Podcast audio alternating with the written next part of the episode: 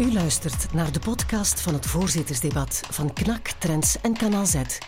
Zeven afleveringen, zeven thema's, ingeleid door één van de zeven partijvoorzitters.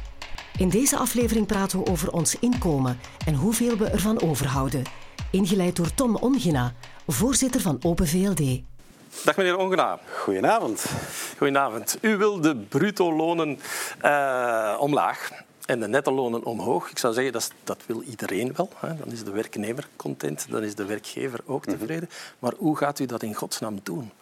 Ja, kijk, hè, we staan voor, uh, voor een uh, heel belangrijke dubbele opgave. Hè. Hoe zorgen we ervoor dat we meer mensen aan het werk krijgen? Dat moeten we doen om, om de, de vele openstaande vacatures in te vullen, om onze welvaart overeind te houden. Moeten natuurlijk ook zorgen dat onze bedrijven concurrentieel blijven. En die hebben natuurlijk de voorbije jaren met uh, indexeringen, is die loonkost uh, serieus naar omhoog gegaan. Hè. Dus daar moeten we op, op werken. En daarom ons voorstel is dat we, dat we de, lasten op arbeid verlagen. Eén voor onze bedrijven. Ik denk dat we daar stellen we echt voor om naar een netto-indexering te gaan. En dat mensen wel nog meer blijven krijgen, maar dat het de bedrijven minder geld kost. En twee, zorgen dat wie werkt eigenlijk beter beloond wordt. En daar hebben we ook een heel concreet voorstel, een soort Vlaams federale duo-boost die we willen doen voor werkende mensen. Namelijk, laten we die Vlaamse jobkorting die we hebben ingevoerd, laten we die uitbreiden, laten we die verhogen. Gecombineerd met afschaffing van de 45% schijf in de personenbelasting federaal. En als je die twee samen doet, dan zorg je ervoor dat mensen die een laag inkomen hebben, dat die er serieus op vooruit gaan. Maar ook mensen met een middeninkomen, dat die eigenlijk tot 1000 euro per jaar extra netto gaan overhouden. En dan doe je de twee. En dan zorg je ervoor dat bedrijven concurrentieel blijven en dat je werken veel beter beloont. Uw partij, Open VLD, heeft de laatste twintig jaar wel vaker uh, lastenverlagingen beloofd. Die zijn er op zijn zachtst gezegd niet altijd gekomen. Er zijn een aantal uitzonderingen. Waarom zou de kiezer vandaag geloven dat die er wel gaan komen met jullie in de regering? Maar we hebben in de komende voorbije jaren hebben we echt wel heel veel maatregelen genomen. Er zijn nog nooit zoveel mensen aan het werk in België dan vandaag. Hè. Dus ik denk dat uh, onze, onze welvaart is de voorbije jaren enorm sterker geworden en door een moeilijke periode geraakt. Hè. De coronacrisis, de energiecrisis, hebben we werkende mensen ondersteund, hebben we onze bedrijven ondersteund. Mm -hmm. Dus ik denk dat uh, op dat vlak uh, we wel degelijk goede adelbrieven kunnen voorleggen. Oké, okay. dat is helder. Over naar de andere voorzitters. Jan. Ja, helder. Uh, meer verdienen, minder belastingen. Dat klinkt uh, als muziek in de oren. Overheidsbeslag in ons land is groot. En ik denk dat er een consensus is. Ik kan het vragen bij handopsteking. Wie vindt dat we naar hogere netto-lonen moeten gaan? Ik denk dat alle partijen er daar uh, het eens over zijn. De vraag is natuurlijk de manier waarop. Ik kom naar u, meneer uh, Hedebouw. We kunnen het hebben over uh, belastingen, miljonairstaks ook, maar dat is, voor, dat is voor straks. Wat u onder meer zegt is goed als het gaat over het waken over die koopkracht. Moeten we de logica omdraaien en ingrijpen in de prijzen dat is de andere kant natuurlijk van. Nee, je hebt de twee kanten eraan. Natuurlijk moet er uh, een prijsblokkering komen en een fiscaliteit. Ik heb altijd gezegd dat de BTW op de basisgoederen naar 0% moet komen. Dus lijkt ja. me evident. Maar op vlak van de lonen moet er ook iets gebeuren. Hè. Ik hoor dat uh, de VLD zegt, ja, de lonen verhogen. Maar het is de VLD die gewoon de loonblokkering heeft opgelegd met een wet die bepaalt dat er 0% verhoging moet zijn. Alle Vivaldi-partijen en het Vlaams Belang stemmen daarvoor. 0% uh, blokkering totaal van de lonen. Dat is die en, dat, en dat vind ik wel erg, want ja. de liberalen zijn altijd zo voor de vrijheid zijn, van onder andere vrijheid, de markt moet spelen. Maar als het over lonen gaat, Nick, dan komt de wet gewoon tussen. De arbeiders en bedienden van Total Fina in Antwerpen. 23 miljard winst wereldwijd voor Total en daar mogen ze geen loonsverhoging onderhandelen. Hoe kun je dat nu uitleggen op politiek vlak? Ik vind dat die loonswet gewoon moet afgeschaft worden. Echt waar, dat is gewoon... Ik, ik verstrijd echt niet dat die liberalen altijd hebben een vrijheid en al dat gedoe, maar als het op vlak van lonen gaat, niks te vrijheid, paf, 0%. Iedereen is daarmee akkoord, maar alle partij...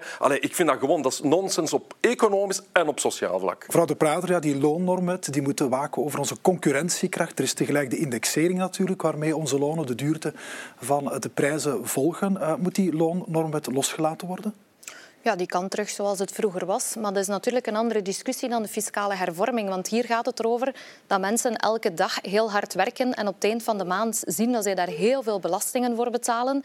En tegelijk dat de rijkste man ter wereld naar ons land verhuist met zijn kapitaal. Dat is niet omdat hij zo gezellig is of omdat hij zo graag frietjes eet.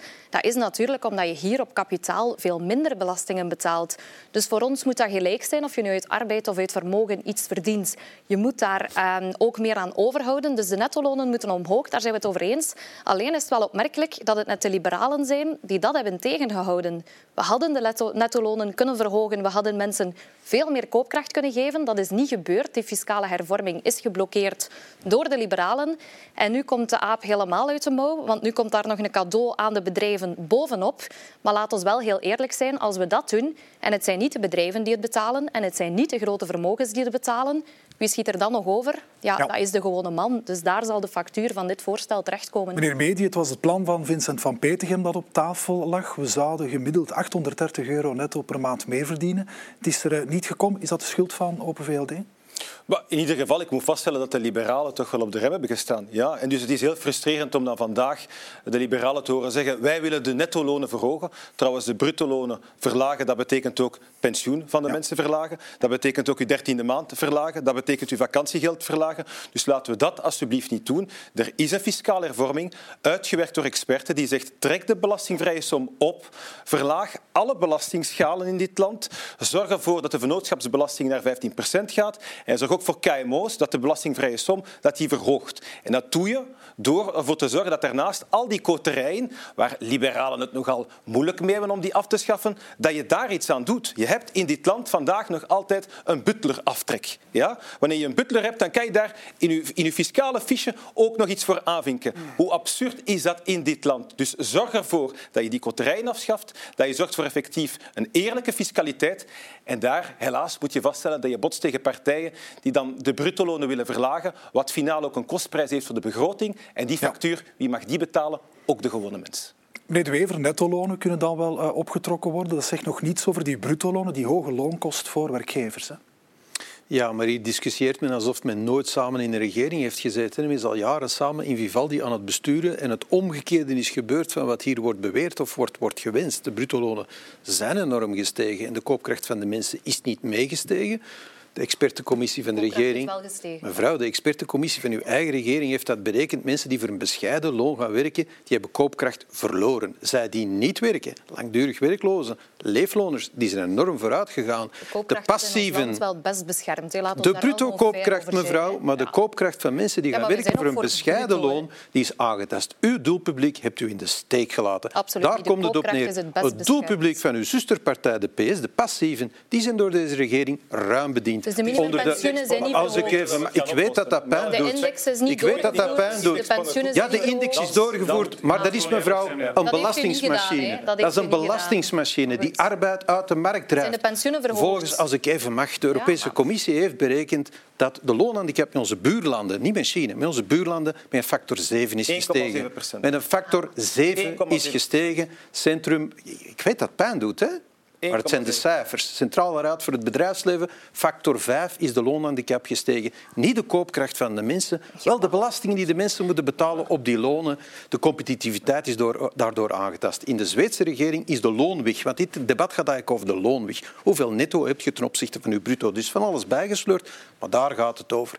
In de Zweedse periode is dat gezakt van 55 procent naar 52 procent dat je op je loon moet betalen. Onder deze regering is dat terug beginnen stijgen en is onze loonkostenhandicap terug beginnen stijgen. Dat zijn de cijfers van de regering zelf, van het planbureau, van de Europese Commissie. Je kan het zonlicht niet ontkennen. Het koopkracht van mensen die werken is achteruit gaan. Zeker de bescheiden lonen ten voordele van de passieve en ten nadele van de competitiviteit van onze eigen economie. En al de rest is fantasie en eerlijk gezegd bezijden de waarheid. Nou, meneer Van Eekhout, of het dan fantasie is of niet, hè, u zit met uw partij in die uh, paars-groene regering. Het is onvoorstelbaar wat hier allemaal verkondigd wordt, hè, zowel door collega Ongen als collega De Wever. Eén, dit is de regering die de meeste sociale inspanningen gedaan heeft op federaal niveau van de voorbije twintig jaar. Ook alle vakbonden en zo verder, vakorganisaties geven dat aan. minimumlonen zijn verhoogd, minimumuitkeringen zijn verhoogd, minimumpensioenen zijn verhoogd. Maar u, maar u moet de eerlijkheid hebben. Als u dat dan hier vandaag komt zeggen, moet u inderdaad de eerlijkheid hebben. Ofwel gaat u uw gat in de begroting slaan, wat ik u altijd hoor zeggen dat u dat niet gaat doen, ofwel gaat u besparen op de pensioenen van mensen en op de gezondheidsverzekering van mensen. Maar heb dan het lef om ook voor de verkiezingen te zeggen dat u dat gaat doen. Want dat is het gevolg van de keuze die er gemaakt wordt. Uiteraard moeten die netto-lonen omhoog. En inderdaad, collega Ongenaat, het is bizar dat u hier dat vandaag komt zeggen, u het voorbije twee jaar met ons de kans had om dat te doen. Wij waren het met de andere Vivaldi-partijen helemaal eens. U heeft gezegd, we gaan dat niet doen. Ja.